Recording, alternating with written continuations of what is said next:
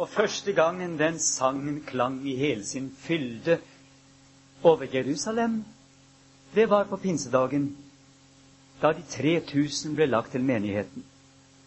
3000 jøder som ble lagt til menigheten og fikk høre disse trøstens ord. Skyldbrevet, skilsmissebrevet, alt det som stenger mellom dere og Gud, og hindre dere å være Guds eget folk fullt og helt. Alt dette er tatt bort på korset. Men disse samme menneskene er de som nettopp har fått høre at de hadde slått herlighetens herre i hjel. De fikk se sin synd i dens dypeste konsekvens.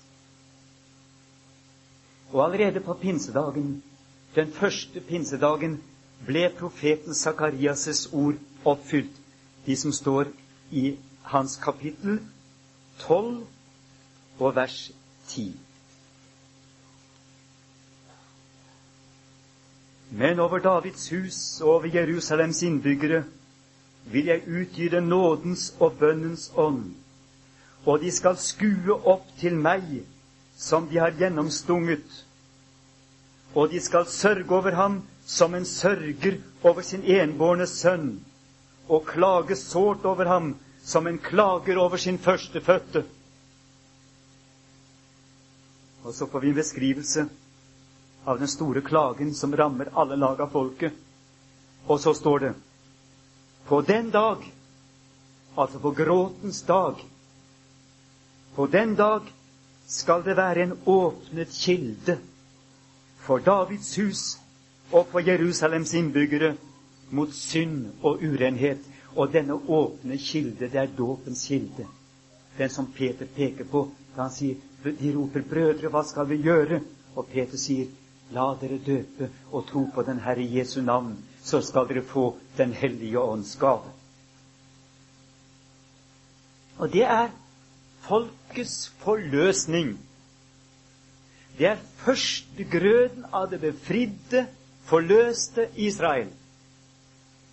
Det er ikke slik at Gud har forkastet sitt folk.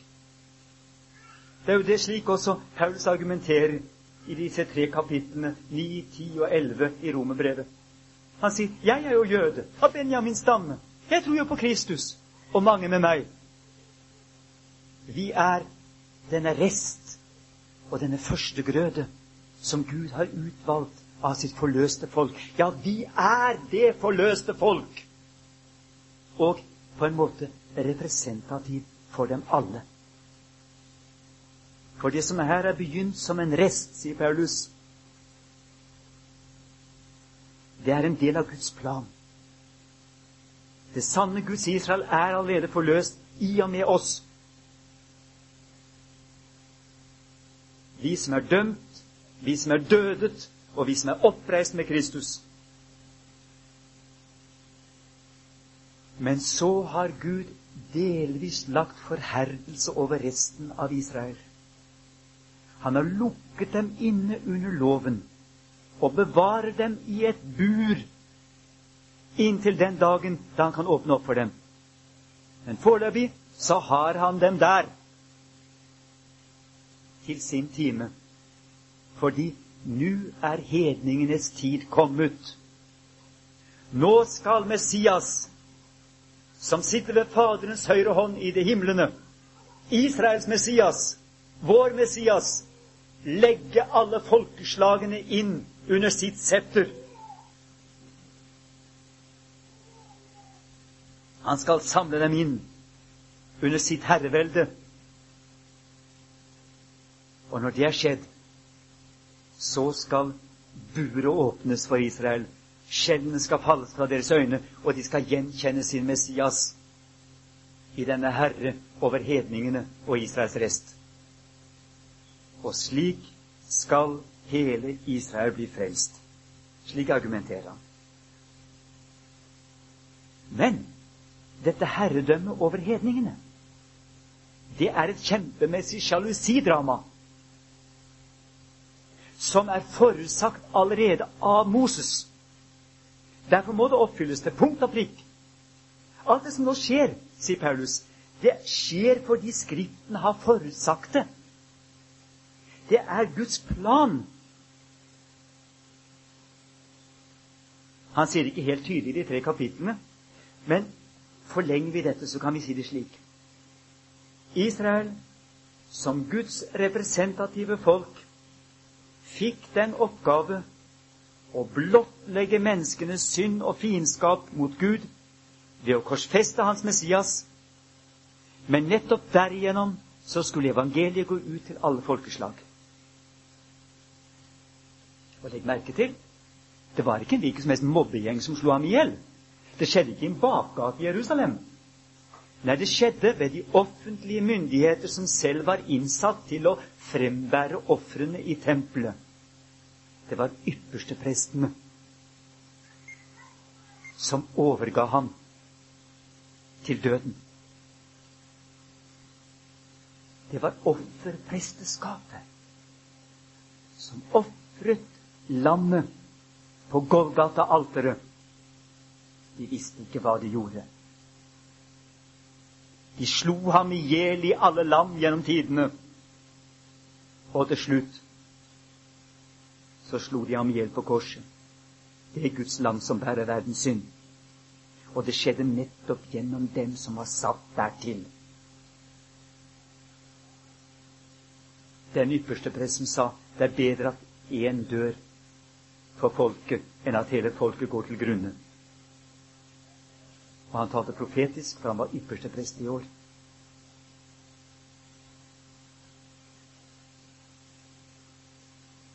Dertil var de satt til å motsi, til å forkaste. Så dypt gikk Herrens oppgjør med sitt folk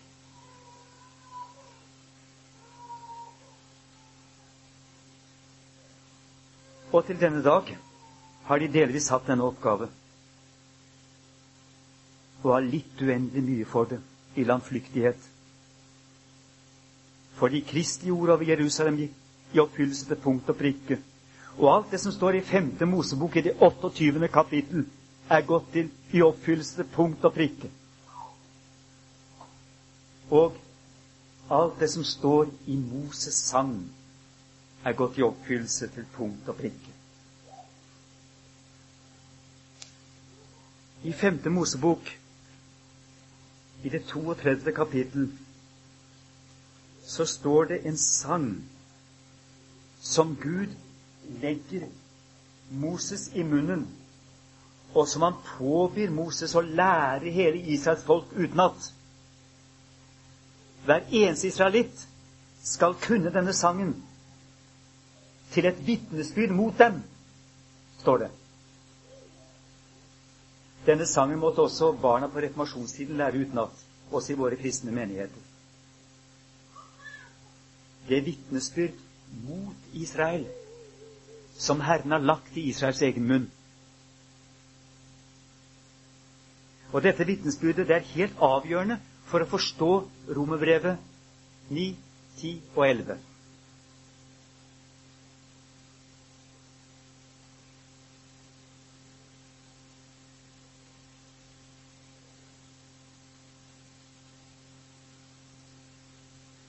Gud sier til Moses i 5. Mosebok 31 vers 19 Så skriv nu opp for eder denne sang, og lær Israels barn den.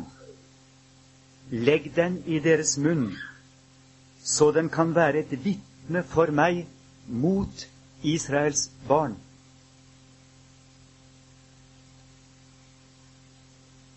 For jeg vil føre dem inn i det land som jeg har tilsvoret deres fedre, et land som flyter med melk og honning. Og når de er ett og er blitt mette og fete, da skal de vende seg bort til andre guder og dyrke dem og forakte meg og bryte min pakt. Når da mange ulykker og trengsler kommer over dem, da skal denne sang lyde for dem som et vitne. Den skal ikke glemmes hos dem som kommer efter, og ikke dø i deres munn. For jeg kjenner de tanker som de går med allerede nå, før jeg fører dem inn i det land jeg har tilsvoret dem. Det er fryktelige ting.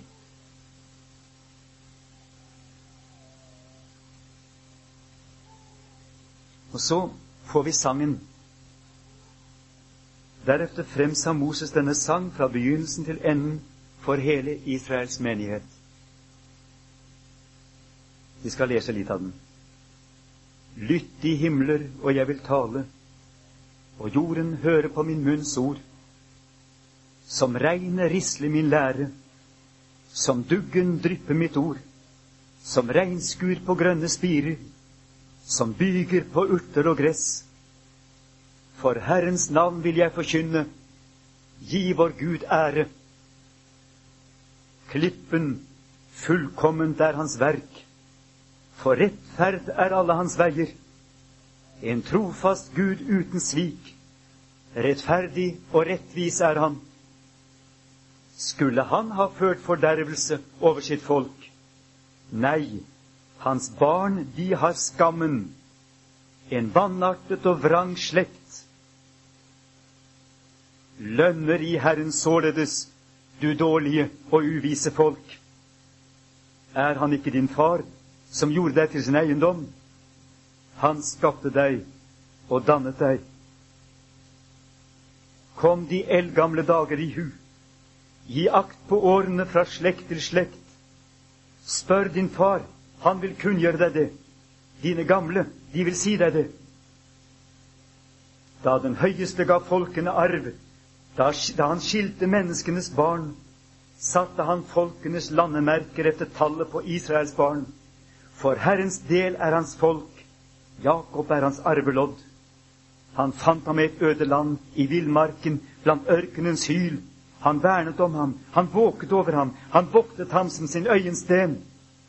Som ørnen vekker sitt rede og svever over sine unger, således spredte han ut sine vinger, tok ham opp og bar ham på sine slagfjær.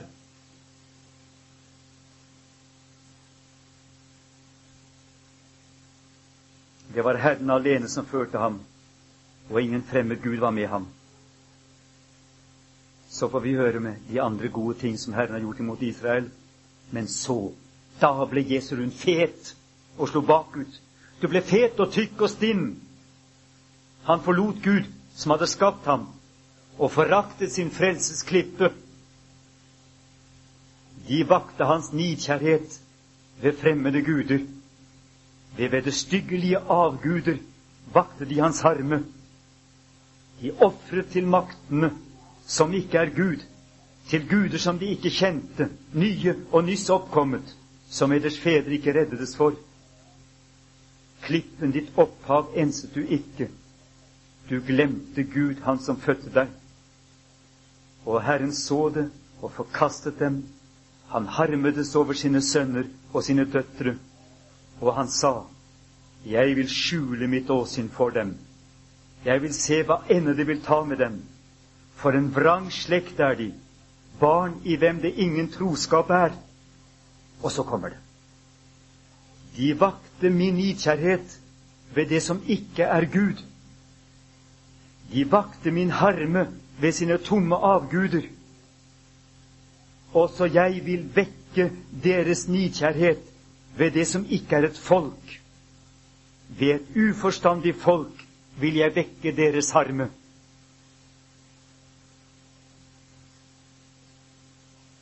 Og her betyr nidkjærhet omtrent det samme som sjalusi. De vakte min sjalusi ved å venne seg til fremmede guder. Jeg skal dekke deres sjalusi ved å vende meg til et annet folk. På samme måten som de har bundet seg til fremmede guder, til en falsk gud, på samme måten vil jeg binde meg på nytt til et fremmed folk og si 'Dere er mitt folk'. Og det vil jeg gjøre for å egge deg, Israel, til sjalusi. Og det er Paulus' argumentasjon i 9, 10 og 11 i Romerbrevet.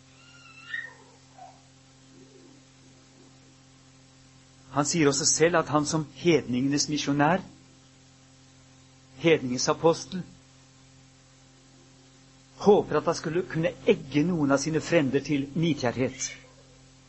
Altså ved å peke på hedningefolket som har tatt imot Israels Gud, og som er blitt innpodet i det forløste Sion, og få del i paktene med deres løfter.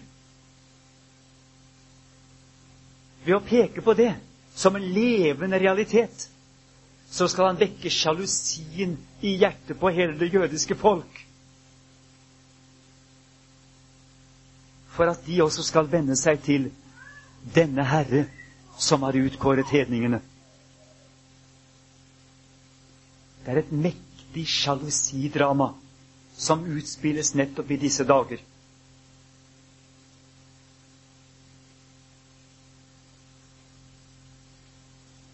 Men dette sjalusidramaet, det får virkelig bare kraft og makt hvis også dette folk, denne nye brud av hedninger som Herren har kåret seg, virkelig også står frem som Herrens brud, bekjenner det tydelig og klart, bekjenner for Israels folk at vi er frelst fordi vi har fått denne store nåde og få del i paktene med deres løfter sammen med dere. Gud Herren har forbarmet seg over oss. Messias er kommet og har åpnet dørene for oss hedningefolk inn til denne frelse som før var jødenes alene. Ja, vi bekjenner frelsen kommer fra jødene. Det er det ord, de løfter, den pakt som dere fikk, som Jesus har åpnet for oss. Derfor er vi ikke lenger uten Gud og uten håp i verden. Vi er frelst. Det er derfor vi er så glade. Det er derfor vi bekjenner Messias' navn og velsigner Israel. Altså, Det er helt avgjørende at vi forstår vår rolle i dette store sjalusidramaet. At vi klart relaterer vår tro til denne sang som Moses la sitt folk i munnen. Og vi sier det er dette som er oppfylt.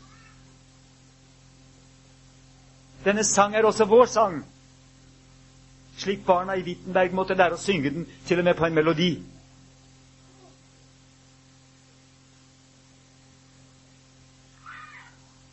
Det er så avgjørende at vi, når vi taler kristendom i Israels folk, ikke kommer med dette som en fremmed religion, men nettopp som noe som kan tenne sjalusien i deres hjerter, fordi vi bekjenner Guds navn, Abrahams og Isaks og Jakobs Gud, som vår Gud, vår Herre Jesu Kristi Fader. Og det gjør vi som et folk av hedninger og jøder. Men samtidig så bevarer inntil tidenes ende jøder og hedninger sine ganske bestemte stempler. For ellers var det ikke mulig å tale om et annet folk som Gud ville venne seg til. Hvis det var slik at vi var jøder, eller at jøder var de kristne. Jeg vet ikke hva vi skal si. Gud opprettholder disse kategorier, to grupper mennesker i verden, jøder og hedninger. Han utkårer seg en brud av hedningene men denne brud av hedningen er samtidig smeltet sammen med bruden av jødene. Sions datter, den forløste. Der hvor jøder og hedninger møtes, hvor disse store sirklene Du kan tegne dem slik, ikke sant? Jøder og hedninger, to store sirkler som tangerer hverandre. Men så, ved Kristus, flyttes over i hverandre, slik at de skjærer hverandre. Og så får du tre grupperinger. Hedninger, jøder og Guds folk, det forløste Israel, hvor også hedninger er kommet inn. Kirken, menighet.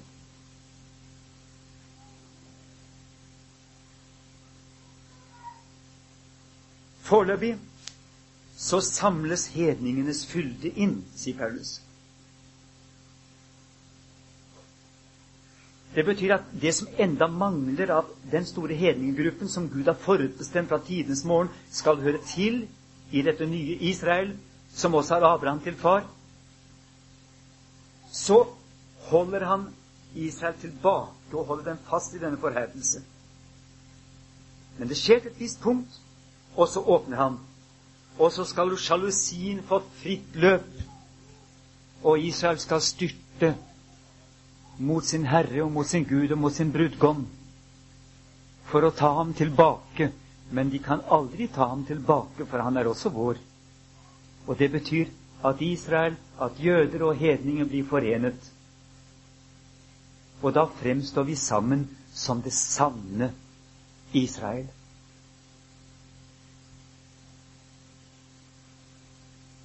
Slik skal hele Israel bli frelst, sier Paulus. Og da tror jeg han taler om dette Israel av jøder og hedninger, som alle har Abraham til far, og som var utvalgt i Kristus før verdens grunnvoll ble lagt. Dette er dette hele Israel. For vi merker oss at han også argumenterer slik at ikke alle som er født av kjødet, har Abraham til kjødelig far, er derfor Israel. Slik argumenterer også Paulus. Så det er noe gåtefullt i dette her. Det er noe som flimrer. Men Gud kjenner sine. Også i det Israel som er under forherdelsen. Han kjenner dem. Han vet at de er der i buret inntil den dag de slipper ut, og det åpenbares at de er utvalgt i Kristus.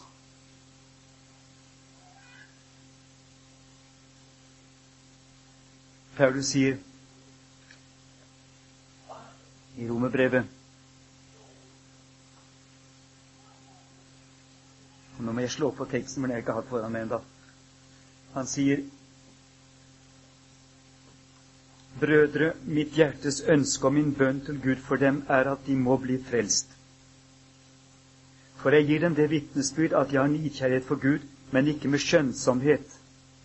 For da de ikke kjente Guds rettferdighet og strevde etter å grunne sin egen rettferdighet, ga de seg ikke inn under Guds rettferdighet.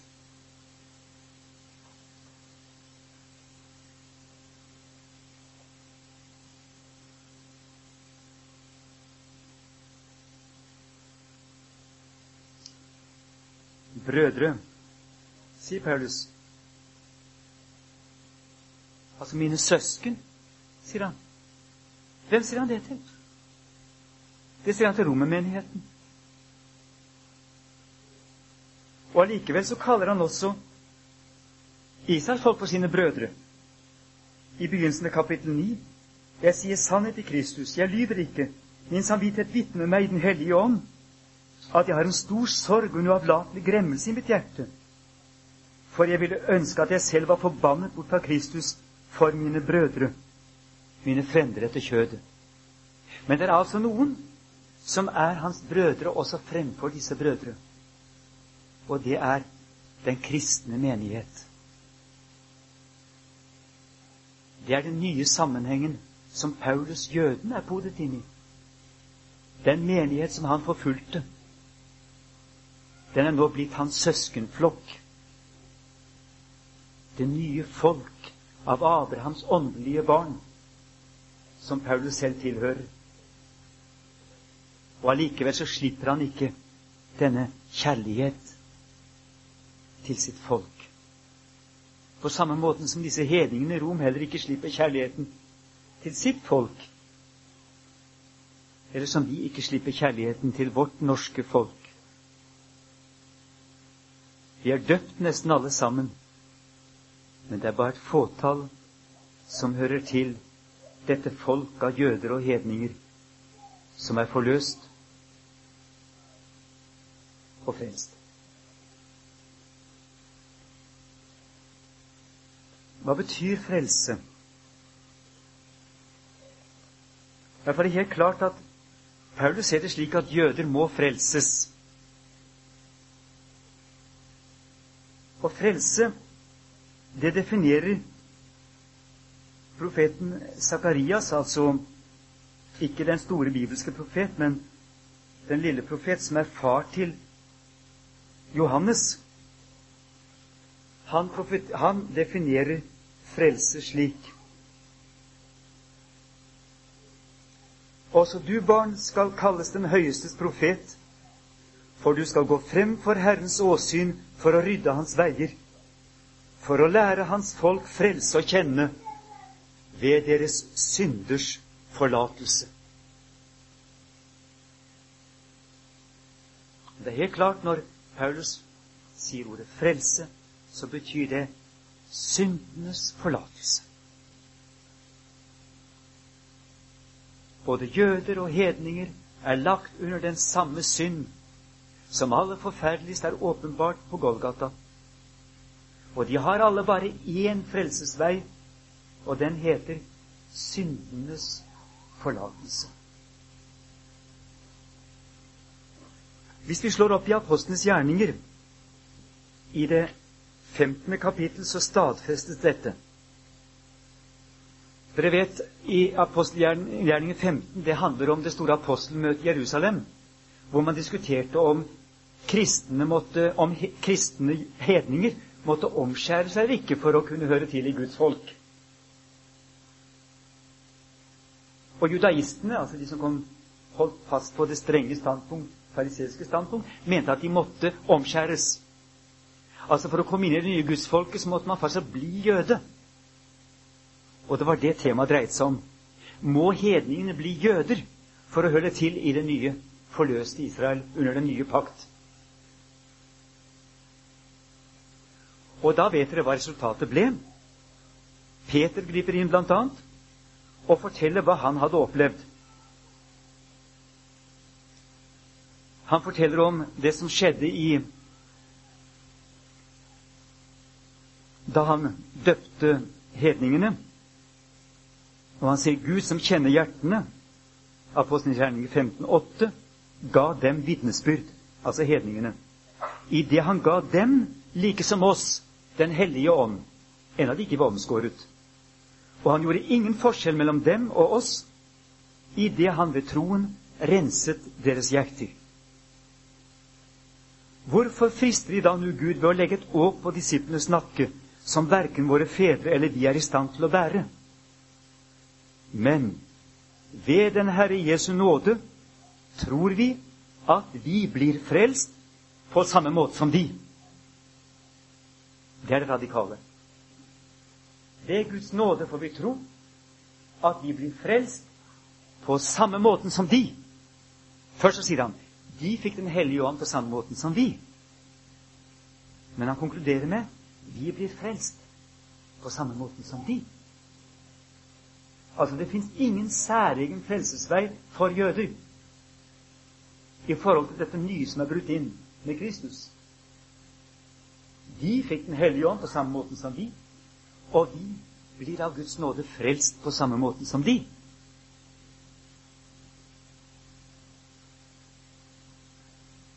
Det tror jeg kan være veldig viktig for oss å, å merke oss.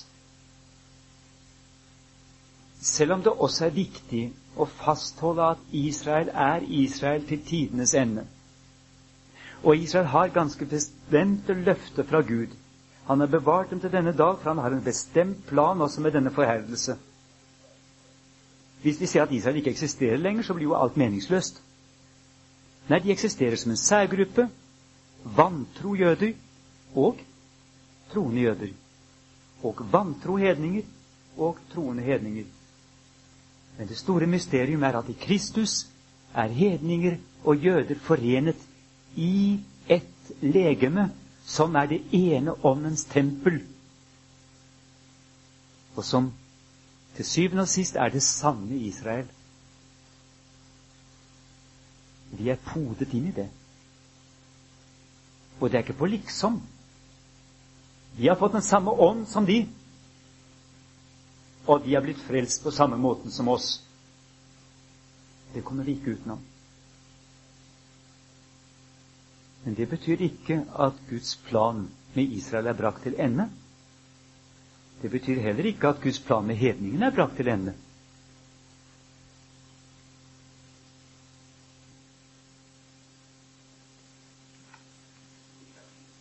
Men skal Israel bli frelst, da må dette Israel rykkes ut av sin selvrettferdighet. det er den største hinder for all frelse. Så lenge et menneske fortsetter å forsøke å grunne sin egen rettferdighet, gir det seg ikke inn under Guds rettferdighet, om det er jøde eller det er hedning. Det er denne selvrettferdighetens ånd og dette selvrettferdighetens selvforsvar som er Kristi svorne fiende. Det er denne ånd som brakte ham på korset, fordi han ble farlig for denne ånd.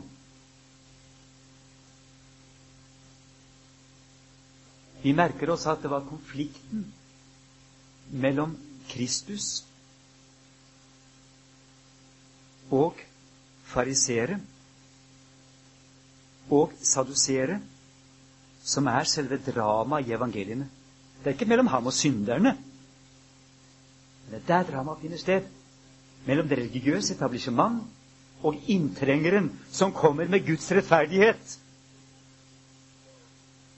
og truer det etablerte og vil gjøre det til synd. I selvforsvar korsfester de ham. Og overalt hvor et menneske forsøker å etablere sin egen rettferdighet, og ikke gir seg inn under Guds rettferdighet, så skjer det samme. Sammenlign Paulus. Han måtte knuses. Han måtte dø. Han ble blind. I tre dager var han blind fordi at alt han før hadde holdt for å være lys, det ble mørke. Han kunne ikke se, og det var sikkert psykosomatisk. Han som var en seende, en veileder for blinde. Alt ble snudd på hodet. Og i tre dager var han i mørket som i gravens mørke. Har tenkt på det det kan ha noe med Jesu tre dager i graven å gjøre. Han døde med Kristus. For hele hans gamle liv gikk til grunne det han hadde bygd på selve basis, kjernen i livet hans. Den falske tro. Og så ble han oppreist med Kristus på et totalt nytt grunnlag. Av nåde er det er. Jeg som er den største av alle syndere. Det er Paulus som sier det om seg selv. Den største av alle syndere. Derfor så blir han den største av alle apostler. Det er en hemmelighet. Og Slik kan det også en gang gå med Israel. Det blir som liv av døde, sier Paulus i det samme kapittelet. Det blir som liv av døde. Fordi når først denne massive rettferdighet bryter sammen, så er det ikke én Paulus, men det er 10 000 Pauluser. Når et folk må erkjenne, etter å ha gått igjennom så store lidelser for troens skyld, kjempet med en slik lidenskap for ordet, ofret så mye, og allikevel må erkjenne at jeg gikk en blindvei i min egen rettferdighet. 2000 år! Jødene tenker kollektivt. Da er dette så forferdelig sammenbrudd at Jerusalems sammenbrudd er ingenting å sammenligne med det. Det går så dypt. Den graven er så dyp at jeg kan ikke skjønne at det kan gå an å overleve det. For identifikasjonen med folk er så sterk. Men jeg tror det er bare slik Israel virkelig kan stå fra de døde. Og derfor er det så tungt. Derfor er det så umulig å misjonere i Israel. Fordi sammenbruddet, det vet de selv, vil gripe så forferdelig dypt. Og det vil være som å svikte det aller helligste min egen rettferdighet, som jeg trodde var Guds. Men Guds rettferdighet henger på korset, og jeg har slått ham i hjel.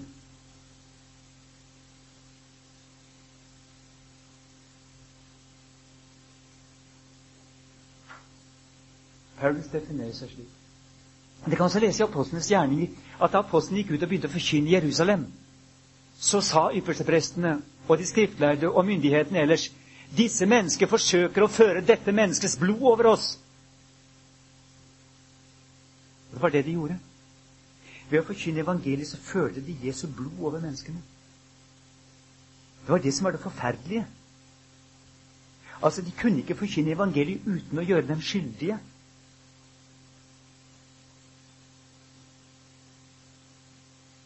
Og slik er det med Israel, og det er slik med hvert enkelt menneske i virkeligheten.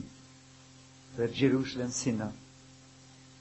Sannheten om våre liv er slik at hvis vi skal leve, må Jesus dø.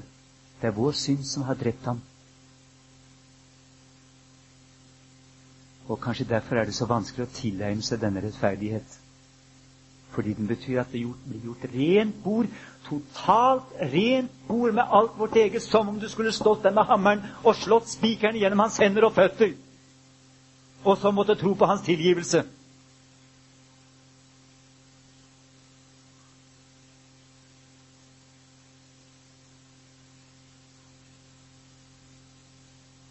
Så sier Peter, de ble frelst eller vi blir frelst på samme måten som de. Den hellige ånd er også en sånn ånd som fører oss inn, i, inn under dette. Jeg skal avslutte dette her med å forsøke å huske et vers. På pinsedag blir Jesus Krist forklaret. Først da blir korsets bitre hymner sunget. Ved Åndens ild blir skylden åpenbaret. Vi skuer ham som vi har gjennomstunget. Og såret i hans side føder flommen som døper jorderi skyldens vann, så vi blir trukket ned i kristendommen og dømmes til den samme død. Han